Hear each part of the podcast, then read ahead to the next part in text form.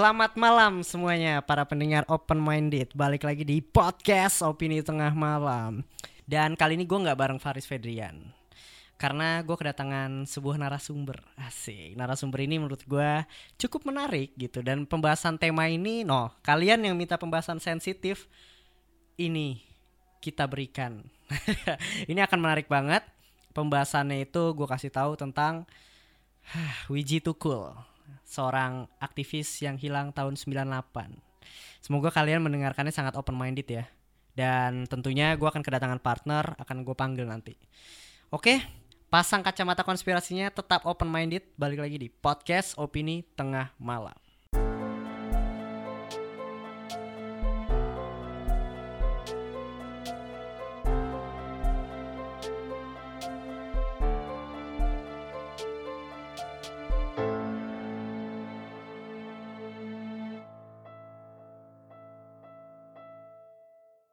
Nah, apa kabar pendengar open minded? Selamat malam.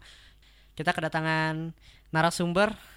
Gue nggak tahu kenapa dia pakai kacamata hitam ya. Apakah dia ingin masuk YouTube opini tengah malam yang subscribernya Enggak, belum enggak. seberapa? Enggak, ini ini kacamata konspirasi Mas Bim. Oh kacamata Iya, konspirasi. yoi. Oke boleh boleh. Buat pendengar podcast yang nggak tahu dia lagi sedang pakai kacamata hitam nih. Mungkin kenalin dulu deh siapa. Oke, kenalin nama gue Faris. Gue dari tepatnya setahun. Gue punya Oke, podcast namanya setahun. podcast. Nama Yap, podcastnya itu adalah setahun. setahun. Setahun Jadi- underscore. Iya, standu- setahun Underscore. underscore. Membahas tentang apa tuh kalau boleh tahu? Sebenarnya setahun under, setahun itu membahas tentang eh, cerita yang sebenarnya dekat dengan kita Mas Bim. Hmm. Ya kan? Cerita yang di mana ketika lo mendengar cerita itu lo bisa merefleksi diri kalau misalnya bukan lo doang lo yang ngerasain gitu. Dan di sini gue harapin dengan cerita yang gue kasih itu bisa dapat bisa menjadi semangat dan motivasi diri buat kalian yang mendengarnya gitu. Oke, durasinya berapa menit kurang lebih? Gue sih pendek sih. Eh, Paling pendek? Paling pendek itu tiga menit. Tiga menit kurang lebih tiga menit. Paling pendek ya. Paling pendek. tiga Paling menit. panjangnya gue sekarang sih 6 menit. Paling panjang. Oke. Enam Tapi menit. ada ada Oke, nanti gue kasih deh trailernya deh, potongannya deh di di Iya, sini boleh, ya. boleh. Oke, nih dengerin trailernya nih. Eh tapi gue bayar gak nih? Enggak, enggak. Oh, enggak. Oke. Kali aja bayar bu. Suatu hari, kau memberiku kabar yang isinya sama, sama seperti mereka, bahwa masih ada hati yang harus kau jaga. Terdiam, kabar yang kau sampaikan seperti jarum yang siap menusukku lebih dalam.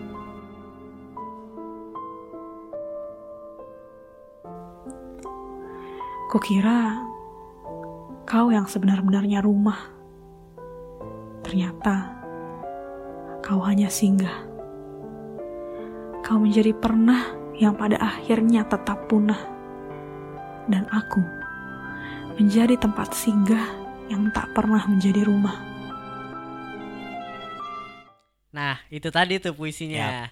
Ya. Kurang lebih kayak gitulah. Kalian bisa mampir-mampir lah ke podcast tahun. Kalau kalian pendengar open minded harusnya mampir lah. Bantu teman gue ini lah. tapi tapi Mas Bim jujur jujur jujur gue gue ini ngefans banget sama lo. jujur banget gue ngefans ini banget. tuh salah satu apa ya jokes narasumber tau gak sih? Enggak serius. Bullshit. Enggak, gue ngefans banget. Dari dari dari lagu yang tahun 90-an gue ngefans banget. Lagu yang bim bim Beda, beda bim, bim, bro, beda bro. Kita Oh, kayak beda. salah undang narasumber deh. Oh beda ya. Beda, oh ini beda. bukan Mas Bim Bim Slang ya? Bukan. Oh bukan. Maklum pakai kacamata. Maklum pakai kacamata. Coba Kacamata. dicopot dulu. Oke. Eh tar dulu. Tapi lu tahu gak kenapa sebenarnya gue pakai kacamata? Kenapa? Ini udah gelap. Hah. Terus tambah gelap kan. Hmm. Seperti kasus yang akan kita bahas. Wah. Belum ada titik terang Mas Bim. Us.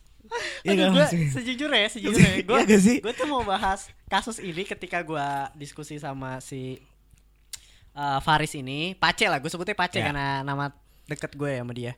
Uh, gue sebenarnya cukup deg-degan gitu karena lu tahu sendiri opini tengah malam gak pernah bahas kasus Indonesia lah kurang lebih ya. Politik. Kenapa tuh kalau boleh tahu? Karena bukan ranah kita itu yang pertama. Oh, Karena kita nggak nggak ter- bukan nggak peduli politik tapi kita kurang tahu tentang politik gitu loh. Jadi tapi nggak skeptis kan? nggak skeptis tapi bukan makanan kita lah gitu loh Emang Dan makanannya apa? makanan kita konspirasi luar Oh, aja siap, gitu siap. jadi Hah cukup deg-degan gitu tapi menurut gua ini kasus yang dibilang eh, clear nggak clear sih kalau menurut gua belum selesai tapi kredibel lu bisa baca di eh, portal-portal berita itu kasusnya kurang lebih sama ya Hmm. tentang si Wiji Tukul ini. Dan langsung aja kita masuk ke oh by, by the way ada film ya. Oh, ya. Namanya Istirahatlah Kata-kata. Wah, itu menarik banget. Makanya kenapa gue pengen bahas ini karena itu ada film ya. Jadi ada film ada konspirasi. Itulah opini tengah. Oke, Mas Bim, sebelum kita jauh bahas Wiji Hmm. Tukul nih, cuma kita mau mau note aja nih sebenarnya. Kita di sini kan bukan sejarawan, Iya, kita juga bukan apa politikus atau sebagai Hmm. bagian dari Hmm. eh, apa namanya keluarga dari korban gitu ya. kan. Benar-benar. Cuma di sini kita adalah generasi menolak bungkam. Oh enggak ya? Saya bukan ya. Sa- walaupun maksudnya bukan gue menolak bungkam, Oh, tapi gue. Oh, gue ya? lebih ke ini netral aja. Oh. Nyari aman bos gitu. gue masih pengen berpodcast. enggak lah, kita kali ini udah di mini- demokrasi mini- ya. minimal minimal kita apa nih ya? Mencoba jujur gitu Yes. terhadap sejarah, ya gak sih? Bener. Coba kita harus jujur Karena sejarah. menurut gue ya, ketika gue nonton filmnya, ketika gue baca kasusnya, ini ada sesuatu hal yang mengganjal dalam tanda kutip. Ada satu hal yang menurut gue cukup ditutupi kebenarannya gitu loh. Jadi masalah kebenaran atau enggak, ah, itu balik lagi kalian. Dan kalau kalian mencari apa ya, sesuatu kebenaran atau validitas di podcast ini kalian salah karena kita hanya membahas putar apa ya opini-opini kita yang akan Opini, kita keluarkan tentang benar. terhadap suatu hal itu tersebut. Apalagi hal ini konspirasi jadi kita ambil lah.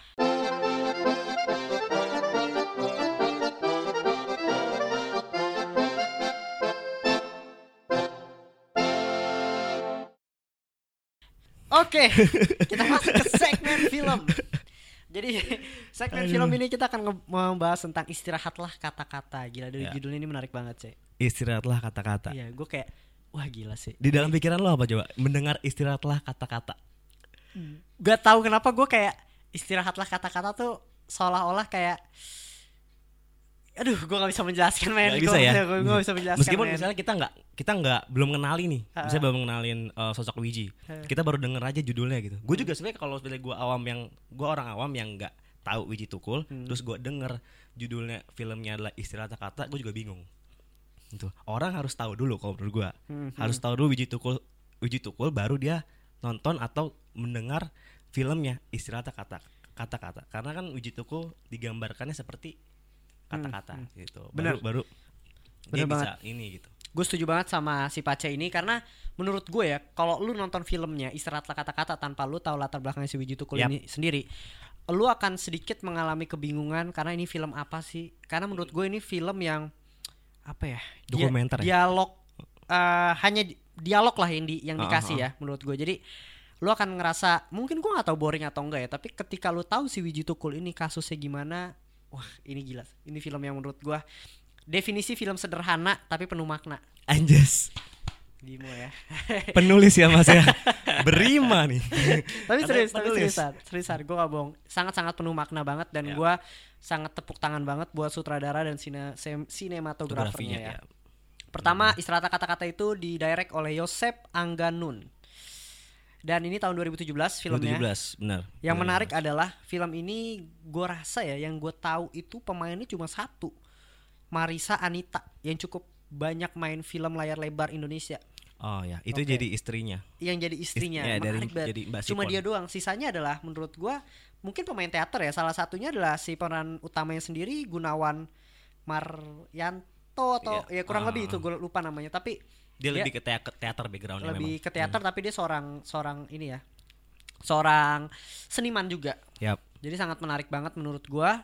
Dan Melanie Subandono yes. Melanie Subandono itu juga main. Dia jadi eh, istrinya Martin kalau salah Yes. orang Medan Ah, kalau dari ini yang cukup menarik satu dia itu jarang menggunakan kamera movement ya Yap Dia cuma ibaratnya lu naruh tripod, kamera satu di situ, dialog, bukan kameranya yang mengikuti orangnya tapi orangnya lah yang yang yang yang, yang, mondar mandir Iya, benar di kamera itu brilian banget. Itu keren banget. ya itu sama kayak konsep filmnya Oh, Marlina. Marlina Oke. sama dia konsepnya juga kebanyakan kameranya still jadi jarang kamera-kamera moving kan sekarang eh sebenarnya eh video itu kan kita kenalnya kalau misalnya banyak moving tuh lebih keren Hmm. lebih bagus gitu sebenarnya nggak punya konsep yang bagus tanpa banyak kamera moving itu menurut gue it's okay aja gitu buktinya si Yes. Marlina sama eh, Marlina ya Marlina. Marlina sama Wiji Tuku kayak gitu kan Yes, menarik banget. Dan gua akuin aktingnya di sini semua gua rasa sangat pro-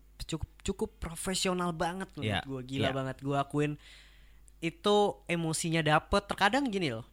ada banyak banget scenes yang cuma naruh kamera tanpa wijinya berbicara Ya, tapi itu bener. penuh makna gila Ya, gue nggak ngerti gue nggak ngerti itu Bener. itu keren banget itu keren gitu banget. loh Itu keren banget. itu keren dari banget. tone filmnya bagus terus juga desain produksinya itu cukup menggambarkan era itu Ya. Itu menurut gue gila sih ini Itu film yang wajib lah lu, lu tonton wajib Ya. banget benar-benar. Itu sebenarnya kelihatannya di di bungkusnya se- se- sederhana mungkin gak sih Mas? Kalau menurut lo yang sering banget nonton film nih. Kalau ya kan? Iya. Iya sederhana Sederhana banget kan? sederhana Mm-mm. banget menurut gue Jadi lebih mudah dikonsumsi untuk kita ya sebagai orang awam gitu. Hmm. Kalau menurut gua. Jadi kurang lebih kayak gitu sih filmnya dan yang lebih bagus lagi mungkin terakhir filmnya itu ada beberapa kali apa ya? Mungkin voice over puisi-puisinya si Wiji Tukul yang wah gila, gokil. Ya. Gue suka banget. Kalau lu tahu backgroundnya, lu pasti akan nonton filmnya dan kalau lu nonton filmnya tanpa tahu backgroundnya sih menurut gua lu tahu backgroundnya dulu lah. Kenapa filmnya itu hanya eh, berlatar di di Pontianak sedangkan pelarian-pelarian Wiji itu banyak ke beberapa tempat. Hmm.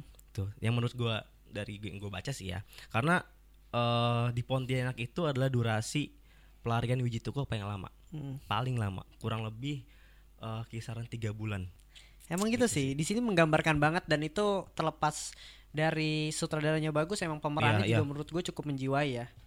Gitu. Jadi lah kita langsung masuk ke segmen konspirasi mungkin untuk mengenal lebih jauh tentang si Wiji Tukul ini sendiri ya.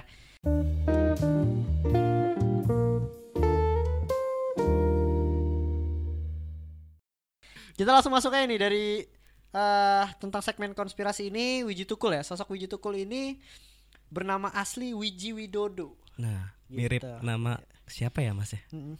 Wiji Widodo. mirip nama siapa ya? Ya mirip sama presiden kita. Oh, pre- oh iya, presiden Joko kita, Widodo, Joko Widodo. kan? Bener, Dan bener. tukulnya tuh mirip sama yang eh ya eh ya. Cringe gak sih? Udah belum Cringe sih? ya? Udah belum sih? Belum sih? Enggak, sorry sorry salah. Eh. Gue gue takut ya. Cuma lu tahu gak kenapa ada nama Tukul di belakang Wiji? Eh, Jangan gue kayak jangan dibicarain gak sih, Cek? Enggak, Gua- enggak. Enggak gua ini to be honest ini serius. Ah, ini serius. To be honest, oke. Kenapa? Lu lu tau gak kenapa? Kenapa? Kan kita taunya Wiji Tukul kan, kita nggak tahu Wiji Dodo. Hmm. Wiji Widodo. Tukul itu eh, nama Tukul itu disematkan oleh eh Mas Catur Lau, nggak salah. Hmm. Dia itu eh, ketua dari Sanggar Teater Jagat. Hmm. Itu yang di mana Wiji Tukul pas SMP dia masuk ke sanggar itu. Itu dan Catur Lau ini ketuanya. Hmm. Dia menyematkan nama Tukul, artinya itu biji yang tumbuh. Tukul Hmm. itu menurut Catur Lau ya. Hmm. Itu artinya biji yang tumbuh. Yang sekarang tumbuh kan Hmm. dan berlipat ganda kan? Yes. Gila. Enggak bercanda kan Mas Bim? Nggak, nggak Ini bercanda. serius. Sebenarnya Ini gua- serius. Iya, oke. Eh, ini Udah, serius. udah serius. Tenang, tenang. Ter- aman, Aman, aman, semuanya ya. Aman Kita semua. lanjut lagi. Lanjut lagi. Wiji Widodo adalah sastrawan dan aktivis hak asasi manusia berkebangsaan Indonesia. Tukul merupakan salah satu tokoh yang ikut melawan penindasan rezim Orde Baru. Ya. Tapi sayangnya tahun 98 Wiji Tukul menghilang. Nah, tapi si Wiji Tukul ini emang dari background yang menurut gua uh, bisa dibilang garis keturu garis di bawah ekonomi garis menengah ke bawah ya. Ya, benar. Benar, Jadi- benar banget. emang hidupnya dia itu adalah membela kaum-kaum yang bawah kurang lebih. Sebenarnya gini, eh, Mas, maksudnya dari awal Hmm. kenapa gue tarik dulu sedikit ke belakang Oke, ya. oke. Kenapa si eh, Wiji Tukul kan terkenal dengan puisinya Hmm. gitu. Dan Wiji Tukul kan pelok ya Mas ya, cadel. Oh, dia cadel. Dia cadel gitu. Nah, dari sebenarnya dari awal pas di Sanggar Teater Jagat itu eh Tuk- Wiji Tukul puisinya masih yang biasa-biasa aja gitu. Hmm. Masih yang kayak eh ceritanya berputar dengan lingkungannya aja. Hmm. Kayak keresahan-keresahan di lingkungannya lah Hmm. gitu. Nah, semenjak dia masuk ke Jaker, jaringan kerja kesenian rakyat Hmm. gitu. Di situ banyak Wiji ditempa dan melalui Jaker Wiji juga masuk ke PRD. Nanti kita bahas yang Hmm. PRD itu. Nah, mulai dari situ tuh, mulai dari situ eh, Wiji mulai bikin puisi-puisi tentang kritik, Hmm. kritik-kritik. Sebenarnya kritiknya awalnya tuh lebih ke kepala desa. Mulai mulai gitu dulu Mas Bim Hmm. nggak langsung ke pemerintah ke kepala desa dia pernah gue baca-baca pernah dia kayak dipanggil gitu dijemur kalau nggak salah dijemur bener-bener literally dijemur gitu gara-gara puisinya yang mengkritik kepala desa kalau nggak salah gitu jadi awal emang tumbuhnya tuh di cakra itu Hmm. gitu sebelum dia apa namanya bikin puisi yang mengkritik-kritik tentang pemerintah Mm-mm. gitu Jadi intinya dia mengkrit salah satu orang yang mengkritik pemerintah dengan karya ya, dengan seni, iya lebih tepatnya gitu. puisi ya, Puisi. kurang lebih. Karena puisi-puisinya dia dianggap berbahaya. Wih, gila ini Wah. menarik banget loh maksud gua. Ketika orang dianggap berbahaya itu dari tulisannya dia, Asik. Wah. dengan kata-kata, wih gila, gila bagus banget. Sumpah literally bagus banget, gua nggak bohong.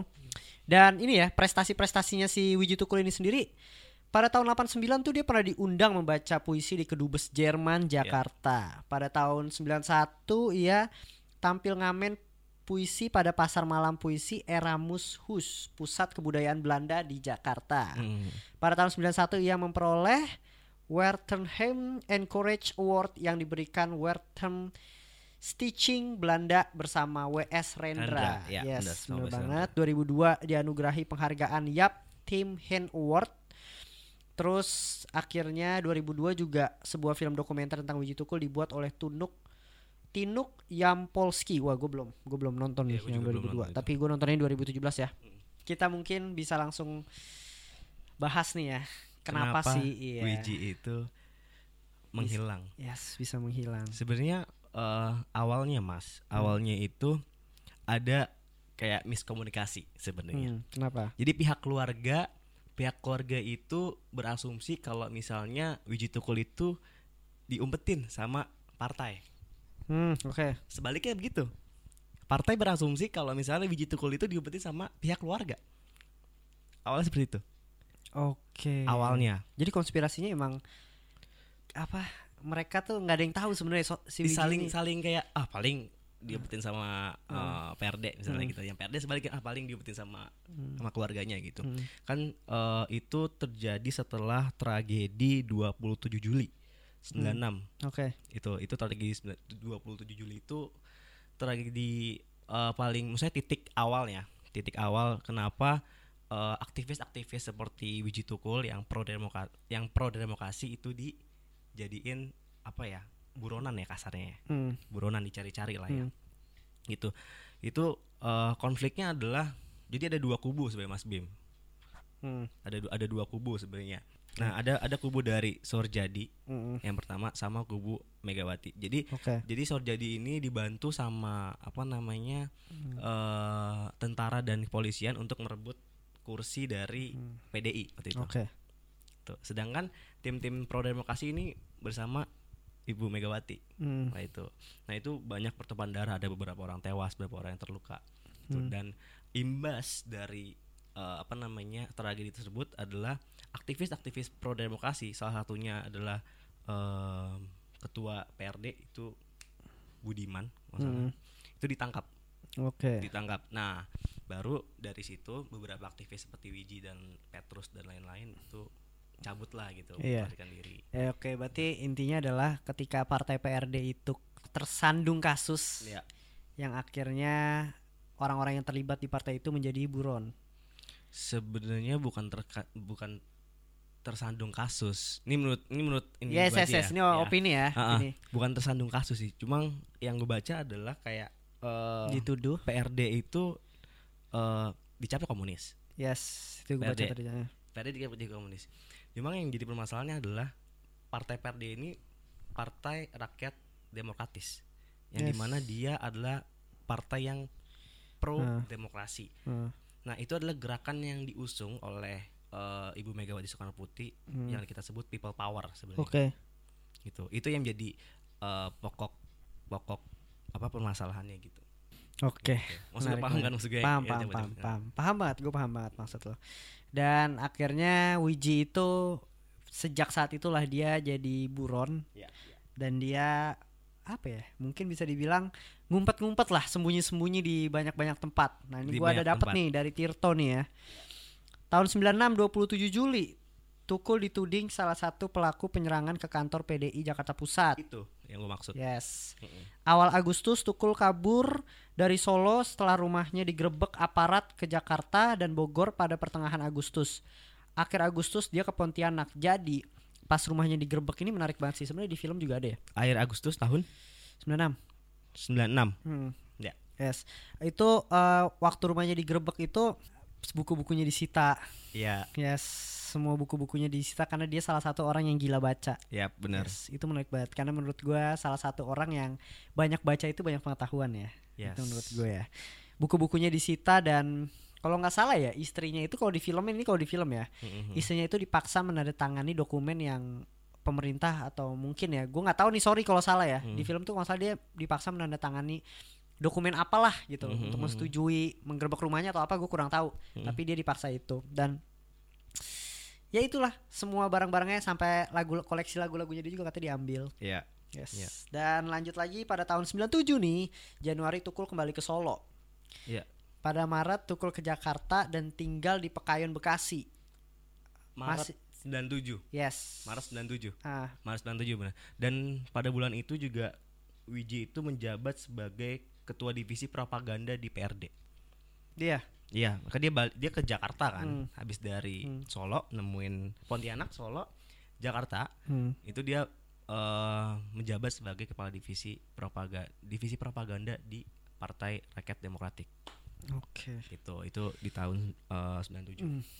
pada Januarinya eh enggak deh masih di Januari Tukul berencana pulang ke Solo oh ini udah Tukul kembali ke Solo Januari tahun berapa? 98 ya Januari 98 tertulis di sini sih eh, beliau berada di Cikokol daerah Tangerang oke bersama itu. beberapa aktivis. Berada di Cikokol. jadi dia Januari. tuh abis dari Pontianak Mm-mm. dia nggak ke Solo eh abis dari Pontianak dia ke Solo Solo. dari Solo dia nggak balik ke Pontianak kalau di film kalau di, kalau di film kan dia kalau nggak salah di karena di film ada mungkin pas gue baca juga ada beberapa hal yang berbeda ya mungkin emang nggak semua bisa lu tampilkan di dalam satu film dan Ya. film juga kan gimana ya masih kalau seandainya terlalu terbatas yes mungkin. terbatas, sih, banyak terbatas kata-kata yang tepat terbatas lah mungkin dia nggak balik dia nggak balik nggak balik. balik ke apa namanya Pontianak itu dia dari Solo dia ke Jakarta langsung Hmm. untuk jadi eh, kan itu awal 98 itu Hmm. Januari itu kalau nggak salah itu mau ada kan habis pemilu Mas. Hmm. pemilu yang di mana Soeharto terpilih lagi yes nah itu ada eh, kalau nggak salah ada pelantikan pelantikan di awal-awal 98 Hmm. di awal gua gua gua kurang tahu eh, tepat bulannya ya antara Januari Februari Oke, dan ini sebenarnya yang menarik nih. Gue baca dari Tirto ID ya. Mhm. A- adanya tuh pernah bilang dia puas sekali kalau menonton perangko gambar Soeharto dipukul oleh tukang pos. Gitu. oh itu yang lama banget ya Iya. sebelum sebelum dia masuk teater jagat ya Gue nggak tahu sih ini tahun 80-an. iya Yes. Iya itu jauh sebelum ini Itu cuma sekedar Mhm. fakta-fakta kecil lah intinya. Dia salah satu eh, dia tuh kalau salah punya adik ya beberapa adik ya. Satu ya? aku taunya ah, gue taunya satu sih Satu. Heeh.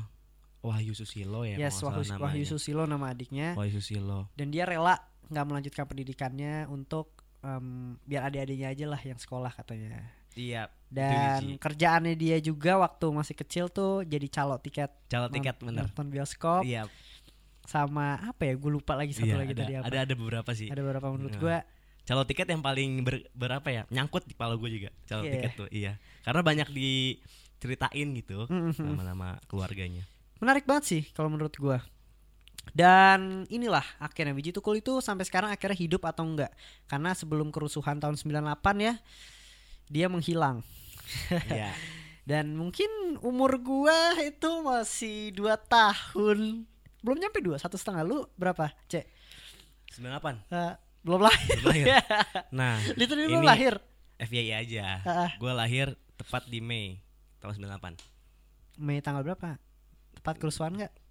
gue eh Bisa jadi pulang dari rumah sakit tepat pas kerusuhan jadi rumah sakit gue di harapan kita Sleepy Mhm. Oh deket tuh. ya gue pulang itu sekitar tanggal 11 tuh 12 Mei gue Hmm. lupa Emang kerusuhan kerusuhannya tanggal? pecahnya tuh antara 11 apa 12 Mei gitu ya pecahnya ya Mhm. kan lengsernya itu tanggal 21 lengser tanggal 2 21 Mei Soeharto lengser itu kalau nggak salah pecah di Semanggi itu atau di daerah-daerah situ lah ya itu 11 atau 12 gue lupa Lu lahir?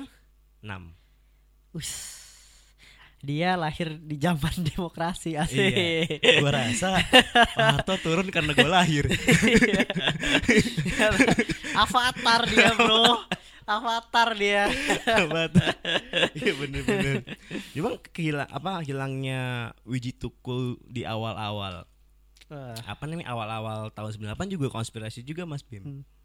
Ada yang maksudnya ada yang bilang kalau misalnya terakhir ngeliat banyak yang bilang kalau misalnya Hmm. terakhir ngeliat Wiji Tukul itu di awal eh di awal Januari tahun 98. Hmm. Ada beberapa teman-teman aktivis yang bilang karena pada Januari atau Februari tahun 98 itu ada terjadi namanya bom tanah tinggi Mas Bim. Hmm.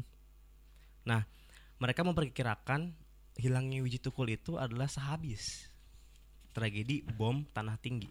Bom tanah tinggi itu apa? Bom tanah tinggi itu yang yang gue baca ya. Hmm. Jadi bom tanah tinggi itu terjadi eh, di ini gue lupa rumah susun atau atau apart ya. Hmm. Itu itu tempat ininya PRD, tempat Oke. tempat teman-teman aktivis PRD Ah. gitu. Itu mungkin ini gue sih nggak tahu bener apa enggak gitu. Ini Hmm, cuma hmm. ini aja gitu. Mungkin waktu itu kan awal awal apa namanya awal eh, tahun 98 itu mau ada pelantikan Soeharto Hmm. ya kan mungkin dari beberapa aktivis PRD ingin mengalihkan isu Mak- maksud gue apa mengalihkan isu dengan yang bom ini cuma ada Oke. tertulis kalau misalnya bom itu meledak lebih cepat harusnya tidak tidak tanggal itu harusnya Hmm, Oke. gitu mungkin karena kepiawa kepiawa kepiawaian eh, aktivis PRD yang tidak jago merakit bom jadi dia Hmm. meledak lebih dulu gitu. Oke. ini ini oke. cuma ini aja ya yang gue baca seperti itu Yes, yes, gitu yes, yes. gitu gue nggak tahu ini bener apa, apa Ya, iya, enggak santai santai Eh. santai bro santai bapak saya juga santai. takut maksudnya pak bapak bapak memperjuangkan saya gak kalau saya Oke, gue memperjuangkan anda gitu. Oh, tapi kan kita bukan siapa-siapa nggak Yes. mungkin juga Ya kurang lebih itulah segmen konspirasi fakta-fakta dan kita mungkin langsung masuk ke segmen diskusi aja ya biar semakin liar. iya boleh biar Boleh. semakin terpleset terpleset gitu akhirnya boleh akhirnya klarifikasi gitu. boleh boleh Kita langsung masuk ke segmen diskusi.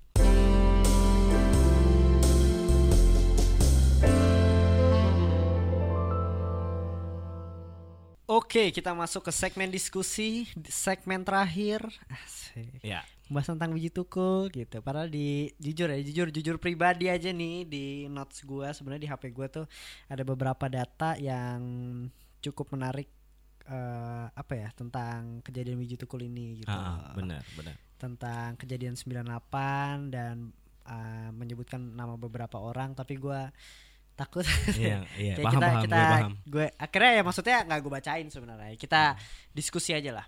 Nah uji tukul ini pertanyaannya adalah menghilang entah ke mana Mm-mm. ya kan?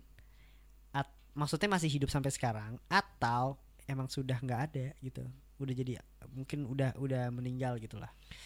Ini opini. Opini lo. Opini gue kalau opini gue eh feeling gue sih bilang kalau misalnya Wiji udah nggak ada Hmm. feeling gue feeling Oke. kuat gue itu itu cuma eh, maupun dia udah nggak ada atau udah meninggal di mana gitu loh Hmm. di mana jasadnya gitu maksud gue kasus ini kan udah 22 tahun ya mas ya Hmm. udah jadi apa namanya sekarang gimana lo mau terbang tinggi kalau misalnya beban di bawah lo tuh masih berat paham kan Hmm. maksud gue? paham. Gitu. Gimana kita sebagai warga negara Indonesia mau terus maju kalau misalnya yang di belakang belakang tuh belum selesai? Yes. Gitu. Maksud gue cuma menurut gue nggak akan selesai sih. Never Nah. ending lah kalau menurut gue itu udah sebagai gitu. ya gue paham gue paham. Eh, ini opini gue ya sekali lagi. Eh, gimana ya? Lu nggak bakal bisa berdiri tanpa itu. Iya, atau iya, itu, gua- itu iya, iya. akan tetap mengikuti lu sampai Iya, kapan pun paham, gitu. paham. Ini gue ngutip aja ya dari Hmm. kata Asik. dari, dari kata-kata Panji Iya. gue tahu kayak perjuangan yang beberapa teman aktivis lakukan di, di setiap hari Kamis di depan istana presiden Hmm, tuh mungkin banyak orang yang bilang kayak sia-sia buat apa sih lo gitu Hmm. Cuma ini gue ngutip aja, cuma ketika kita tidak berhenti untuk memukul di saat itu berarti kita belum kalah gitu. Hmm. Dan ketika itu pula peluang untuk kita menang masih ada Hmm. gitu. Minimal itu Mas Bim. Oke, ini Panji siapa sih? Pragiwaksono. gue tahu sih sebenarnya. Mas Panji main ular. Iya makanya gue kok Panji ular sih dia ngomong. Siapa yang Panji ular? Eh geraga geraga. gitu. Nah, nih Iya. kalau gue ada fakta menarik nih. Eh, tadi menurut lu dulu dong Mas Bim, lu jangan Gimana? fakta-fakta menarik dulu. Saya tidak berani. lu jangan fakta-fakta menarik. Oke, menurut gue pribadi Iya. gitu loh. Akan terus diperjuangkan atau enggak misalnya. Iya. Harus sih. Gue sebagai orang yang ah, bisa dibilang buta politik juga enggak sebenarnya. Gue nggak terlalu paham Mas Bim buat Hmm, politik. Sama. Untuk politik gue nggak terlalu paham, tapi minimal logika kita berjalan dengan baik. Yes. Quotes gak sih? Enggak ya? Enggak ya? Skip skip skip. Enggak ya? Nggak jadi ya? Kok lu gak bantu gue sih? buat Gak mau, gue Bim? gak mau backup Oh gitu oke lah. siap. Siap. Itu sih kalau gue yes. gitu. Yes kayak gitulah. Hmm. Karena gimana ya? Lu kalau mau cari sesuatu pengen tahu clear tentang Wiji Tukul di portal-portal berita atau apa pun Yap. sul bukan sulit sih. Hasil yang lu temuin akan abu-abu gitu. Pasti. Gitu gua jadi gua uh, mungkin nggak salah mereka juga karena mereka juga sumber yang mereka ambil juga udah sulit juga untuk Hmm. menemukannya dan lain-lain gitu ya. Ada Atau- satu orang yang berusaha untuk mengungkap ini semua, Hmm. tapi nyatanya orang itu juga diracun di udara. Iya. Tahu kan siapa? Oke. Oke. Ya, ya, tahu tahu tahu tahu. Udah Oke. gak usah dibahas lebih lanjut lah ya. Ya, ya, ya. Kita gue tahu kalian juga pasti tahu lah. Heeh. Intinya itu. Oke. lanjut lanjut balik ke Wiji Tukul. Oke, oke. Masih hidup Masih. gitu. Jadi Wiji Tukul itu eh, masih hidup. Ini ada salah satu berita ya dari liputan 6. Geger Wiji Tukul ditemukan Gila, Clickbait Ya. abis nih Tidak perlu menunggu berhari-hari Dalam sekejap netizen dihebohkan dengan screenshot akun pet Doro Kakung Ini masih zamannya pet nih ya berarti Ya. ya Berarti 2015 Yes. 16 ya. ini dia eh kayak bukan nge-tweet mungkin status atau apa pun Tukul adalah Tukul adalah orang yang memasok dan merakit bom yang dipakai tentara Timur Leste untuk melawan ABRI kata Sanana pada waktu itu antara 98 sampai 99 tentara tentaranya kehabisan amunisi lalu datanglah Tukul yang kemudian membantu bikin bom. Tukul mana, Bapak? saya Tukul terbunuh di perbatasan oleh anggota ABRI di bom. Mengutip dari tulisan Wicaksono mempunyai akun Ndorong Kangkung di laman petnya ya, ini Tukul mana, Pak? Enggak tapi kabarnya bener biji tukul pak lo Ya, kan? gue tahu, Pak. Iya Cover bisa diganti, Pak. Bisa di-add apa Iya iya gue takutnya tukul Tukul yang sekarang ada empat mata Oh, ya enggak kan? lah, yang Beda ya beda, kata. beda, beda. Lagi ngerakit bom Eh iya itu. Bantu dong Enggak, please. enggak, enggak. Eh tapi pe- pendengar gue tuh pasti Pas gue iya tuh dia gini Iya Iya Pendengar Pendengar gue gitu Ngaku Ngaku lu Kalau lu gak open minded Nggak. Lu gak akan kayaknya. Justru kalau misalnya pendengar lu Ea Ea dia yang tidak open mind gitu. Enggak pas gue Ea. Dia tuh sebenarnya Ea Tapi abis itu Eh tadi gue ngapain sih anjing? Gitu. Anjing gue ngapain? Gue ke brainwash man gitu. Udah out of topic gitu ya. Out of topic. Ini siapa sih Doro Kangkung aja Oh sebenarnya itu juga terjadi di eh, kejadian nyatanya Mas Bim. Hmm. Kayak di pertengahan Mei itu si Pon selaku apa namanya istri dari Wiji merasa ditelepon oleh Wiji Tukul. Yes Kala itu, itu pertengahan Mei itu lagi gemuruh-gemuruhnya. Harusnya dia udah hilang. Nah, beberapa Bukannya sebulan sebelum sebelum sebulan sebelum lengser kan hilang kan? Nah, beberapa beberapa teman-teman dari aktivis BRD Hmm. itu berasumsi kalau misalnya mereka tidak melihat lagi Wiji Tukul semenjak tragedi bom Tanah Tinggi. Kan terakhir itu posisi di Jakarta, ya gak sih? Hmm. Terakhir di posisi Jakarta menjabat sebagai ketua divisi propaganda PRD. Hmm. Nah, after kejadian itu, Hmm. yang bom Tanah Tinggi itu, teman-teman aktivis tidak melihat sosok Wiji Tukul Hmm. ya kan kan di Jakarta dong mereka tapi mereka tidak lihat nah Hmm. pertengahan Mei si Pon uh, selaku istri, merasa ditelepon sama Wiji Hmm. jadi itu maksud gue, maksud gue kayak konspirasi gitu loh Yes yes yes jadi gue baca kayak juga. ini sebenarnya kapan sih hilangnya? Hmm. gitu. Kenapa kalau misalnya uh, dari bulan Januari ke Mei kan lama tuh ininya. Kenapa Wiji tidak menghubungi aktivis teman-teman yang lain gitu? Oh ngerti paham. ya kan? Nah ditambah lagi Hmm. sekitar bulan gue lupa Agustus atau September Hmm. itu eh, Catur Laus selaku ketua dari eh, teater Jagat itu. Nah itu merasa kayak pernah bertemu dengan Tukul gitu Merasa nah di situ pas gue baca itu kalau nggak salah eh, Mas Catur Laus itu lupa lupa tahunnya apa 98 atau Ah. 97 Ngerti ngerti ngerti ngerti gue. Karena itu juga salah satu apa ya? Kejadiannya juga lama, ya Yes. kan. Jadi Yeah. mungkin ya sama aja lah. Mungkin kayak lu ketemu orang, Iya. anjir gue lupa, nih Lupa. tahunnya kapan, nih gitu ya. Yes, Gitu. yes, yes. Saking tuh ini Hmm, banget. hmm, Kayak hmm. gitu terjadi juga. Hmm, Oke Di paham gue. Nah ini menurut gue salah satu berita yang cukup menarik sih pas gue baca ini ya. Jadi ini dikutip dari Detik News gitu tanggalnya itu 2014. Hmm. Andi Arif yakin Wiji Tukul masih hidup dan tidak ditangkap. Ini alasannya katanya. Gue bacain ya. Aktivis 98 Andi Arif yang yakin rekannya Wiji Tukul masih hidup dan tidak ditangkap. Alasan yang paling membuatnya yakin adalah pertemuannya dengan Tukul di tim dan sejumlah testimoni lain katanya. Andi yang kini jadi staf khusus presiden mengatakan pernah bertemu Tukul setelah keluar dari penjara Polda Metro Jaya tahun 98. Mereka bertemu di Alia Cikini katanya. Andi sempat memberi Tukul uang 2 juta dan sempat mengobrol kondisi Tukul saat itu baik-baik saja. Hmm. Setelah dua bulan selepas dari penjara, Andi juga sempat mengecek keberadaan Tukul pada adiknya katanya. Lalu jawabnya baik-baik saja. Itulah mengapa sampai tahun 2000 Tukul tidak dibicarakan sebagai orang hilang. Terang Andi dan dalam keterangan yang tertulis nih ya. Mm-mm.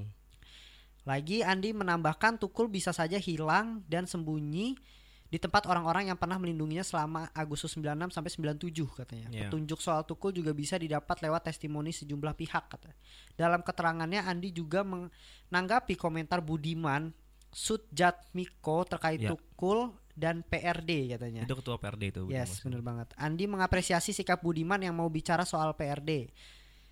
Dan namun dia menyayangkan sikap sejumlah pihak yang memperdagangkan isu hilangnya aktivis tahun 97 sampai 98 untuk kepentingan Pilpres 2014. Jadi waktu 2014 nih beritanya ya. Ya kurang lebih kayak gitu sih. Tapi mungkin ya, mungkin ya. Ini uh, gua nggak tahu tapi Hmm. mungkin aja bisa kejadian Ah, gitu. kayak yang tadi lu bilang. Yang lupa lah simpang tah- siur. Yes. Dia ketemu tapi lupa tahunnya berapa Mm-mm. gitu loh. Cuma memang sih em, keluarga dari Wiji Tukul itu melaporkan diri kalau Wiji hilang itu pada tahun 2000 ke Kontras komisi eh, yang orang hilang itu. Jadi keluarga pikir tuh selama 2 tahun itu uh, Wiji tuh uh, Hmm, masih ya- bersembunyi. Ya mungkin, mungkin, mungkin. Gue juga nggak tahu kenapa baru dilaporinnya pas Hmm. tahun 2000. Hmm, Itu mungkin alasannya seperti itu. Oke, Gitu. menarik banget. Lanjut. Lanjut. Ini gue ada pertanyaan nih Mas Bim. Oke, oke, lu. lu ada pertanyaan. Ini kita udah udah udah masuk segmen akhir dan mungkin apa pun pertanyaannya silahkan. Tapi lu jawab ya Mas Bim. Yes, gua akan jawab. Oke, Mas Bim, kalau menurut lo kasus Wiji ini melanggar sila keberapa? Menurut gue kedua atau kelima? Kedua atau kelima? Kenapa? Ya, kurang lebih uh, tentang keadilan lah. Keadilan. Yes. Kalau menurut gue semuanya Mas Bim.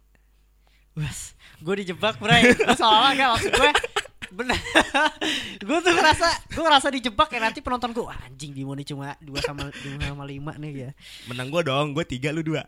Eh gue lima lu dua. iya iya iya Menurut gue, menurut gue lima. Kalau karena ketika lo, ketika eh ini bilangnya, ini ngomongnya diculik atau dihilangkan ya. Hmm. Karena sampai sekarang nggak tahu kejelasan ya. Hmm. Gitu. Ketika seorang dihilangkan, berarti seorang yang menghilangkan sudah mencabut hak beragama beliau, bener nggak? Yes. betul Itu sila pertama. hmm. Sila kedua adalah em, kemanusiaan yang adil dan beradab. Hmm. Beradabkah mereka yang melakukan?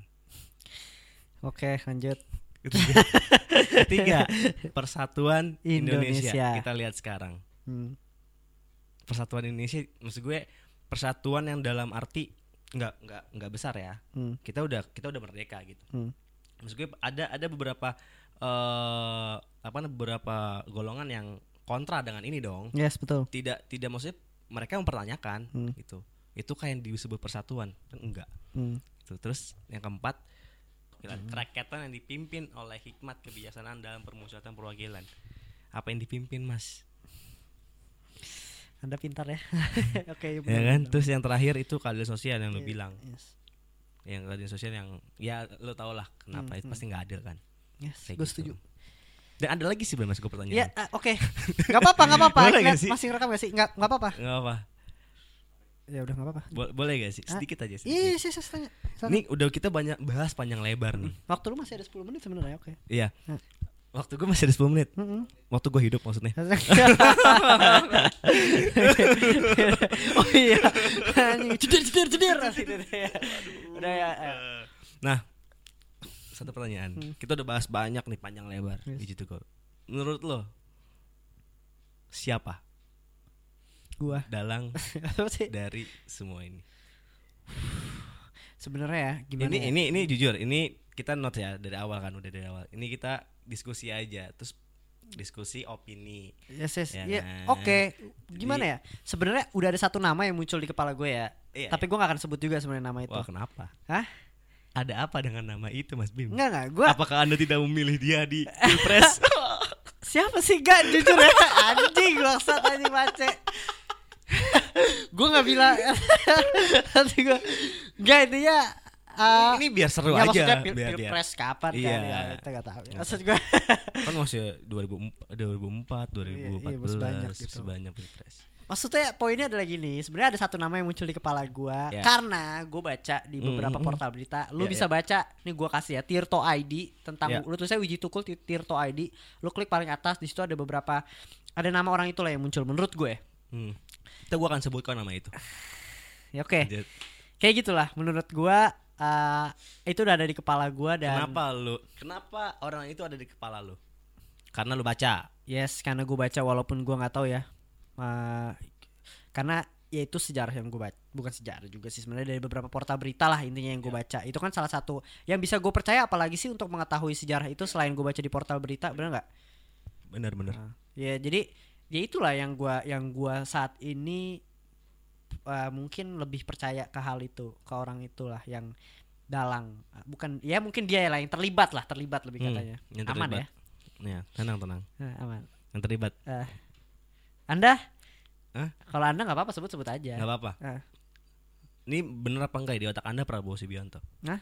bener apa enggak Eh, saya. Hmm, bener apa enggak iya. Bener kan Oke, Prabowo Subianto? Hmm. cuma ini pengen gue sih sebagai eh, apa namanya anak baru kemarin ya Mas Bim anak baru kemarin Hmm. ini freedom of speech Freedom ya speech ya bener. kalian jangan baper ya gua Iya. gua Iya. dukung kok Ya, ini gue gue pribadi tidak tidak mendukung Prabowo dan tidak menyalahkan Prabowo. yes Cuma gue mau posisikan Prabowo di sini adalah sebagai dikambing hitamkan. kalau lu Kalau pribadi kalau gue pribadi Ah. dikambing hitamkan, gitu. Hmm. Eh Hmm. di- dia maksud gue kayak Munir pun ngomong gitu. Prabowo harus diadili sebagai saksi. Hmm. Kan dia itu dicopot eh, dari kesatuan TNI itu tahun 98 Hmm. karena memang terbukti melanggar HAM. Hmm, yes. melanggar HAM. Nah, Hmm. tapi konteks melanggar HAM ini adalah eh HAM ke sembilan orang yang dipulangkan. Hmm. Sembilan orang dipulangkan nih. That's why kenapa eh, beberapa perwira dari Kopassus kan Hmm. sebutnya tim awal kan diberhentikan karena melanggar HAM. Yes. Nah, habis itu tim mawar itu diberi perlindungan dengan oleh kalau oleh undang-undang ya, Hmm. oleh undang-undang kayak dia tidak bertanggung jawab atas 11 atau 13 orang yang belum pulang gitu. Dari Bapak Agung Gumelar pun yang se- waktu itu eh, yang ikut menandatangani pemberhentian Prabowo Subianto juga bilang kalau misalnya beliau terlibat Hmm. terlibat kasus apa namanya eh, pelanggaran HAM Oke. gitu. Cuma pas gue baca lagi, pas gue denger lagi Munir, dia bilang Prabowo itu kambing hitam saja. Hmm. Sebenarnya ada Maksudnya loh, berarti ada ada yang lebih ada ya, loh, yes. yang belum harusnya harusnya kayak dia tahu gitu. Tadi ya Gimana yang tadi? obrolan tadi mau dimasukin ya? ah, Obrolan tadi. Ya tadi. Eh pakai mic dong. Ini bakal masuk loh. oh bebas, bebas gue, bebas gue. Gue gue bilang tadi, gue tidak gue tidak mendukung Prabowo dan tidak menyalahkan Prabowo Mhm. gitu. Ya. Gue masih gue masih menganggap Nggak intinya gini sih sebenarnya. cuma jadi kambing hitam Ah. aja sebenarnya.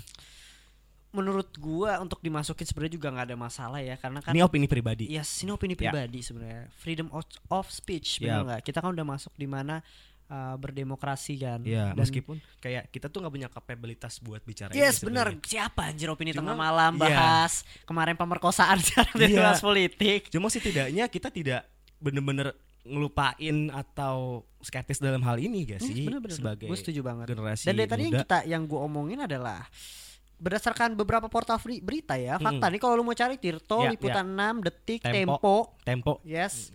Lu nonton filmnya, lu nonton uh, beberapa channel YouTube juga kurang lebih hampir sama lah walaupun ada perbedaan-perbedaan sedikit gitu. Iya, iya benar. Dan kalau kalian mau nyari kurang lebih uh, yang tadi dia bilang dalang mungkin atau yang terlibat ya kurang lebih akan akan akan Sama yes keluarnya. yes gitu Iya, loh walaupun sama, gua gua nggak nuduh ya tapi cuma apa sih eh Ya opini, opini, opini, opini gua. ba- banyak kok orang yang beropini beliau. yes yes Fine fine aja sebenarnya. Soalnya, Gitu soalnya kan belum ada, open minded lah iya belum ada belum ada apa investigasi khusus yang melahirkan bukti kalau misalnya Prabowo yang terlibat. gitu. yes oke Kan bekas-bekas yang Munir pegang udah hilang ke mana? Wah nggak tahu. Jadi nggak bisa. Ya, kayak gitu aja ya pembahasan tentang Wiji Tukul. gitu asik Abis dan ini- oh ya, oh kita- ya gini gini gini kita akan bahas kita masih akan panjang kita sebenarnya. masih bahas Wiji Tukul sebenarnya Masih- masih ada. sangat panjang tentang Masih Wiji Tukul ini panjang. dan kita akan bahas puisi-puisi apa aja sih yang Wiji Tukul lahirkan sampai Ya. akhirnya berbahaya Yap. untuk pemerintah salah satu puisinya nih gue baca ini Boleh, gue boleh. tulis deh ini kata Wiji Tukul ya Kata Wiji Tukul. Kenapa kata Wiji Tukul? biar nanti kalau kata gue Oh, salah dikira Oke. lu ngambil puisi orang lagi nih kemerdekaan itu pendek katanya kemerdekaan itu nasi dimakan jadi tai Asik. katanya gitu Iya. Itu scene yang gue suka juga sih di Itu- filmnya. itu sih lu suka ya Iya, itu kemarin. Sama satu lagi yang di film ya. yes Kekejaban kalian adalah bukti pelajaran yang tidak pernah ditulis. us Gila. gila ini, Gila, ini udah pecah. trailer banget kalau lu pengen tahu nih masih ada gue masih ada gue di Gua gua ada gak? ah Gua ada gak? ada Abis masih ini? ada masih Oh, ya, ada di podcast gue ya? Iya di podcast di podcast setahun masih ada gua Bimo Opini Tengah Malam akan mampir di podcast tahun Ya, akan membahas tentang Wiji Tukul tentang puisi-puisinya dan lain-lain. puisi-puisi. Kenapa dia memilih? Yes. Kenapa beliau lebih memilih puisi untuk Buat kalian yang dengerin sampai akhir sekarang wajib nonton, dengerin, eh dengerin ya. Kalau sampai tidak nonton atau tidak dengar. Saya culik Anda. Yes, oke oke Nggak kayak gitulah. Oke, selamat malam sampai ketemu di episode berikutnya. Ya,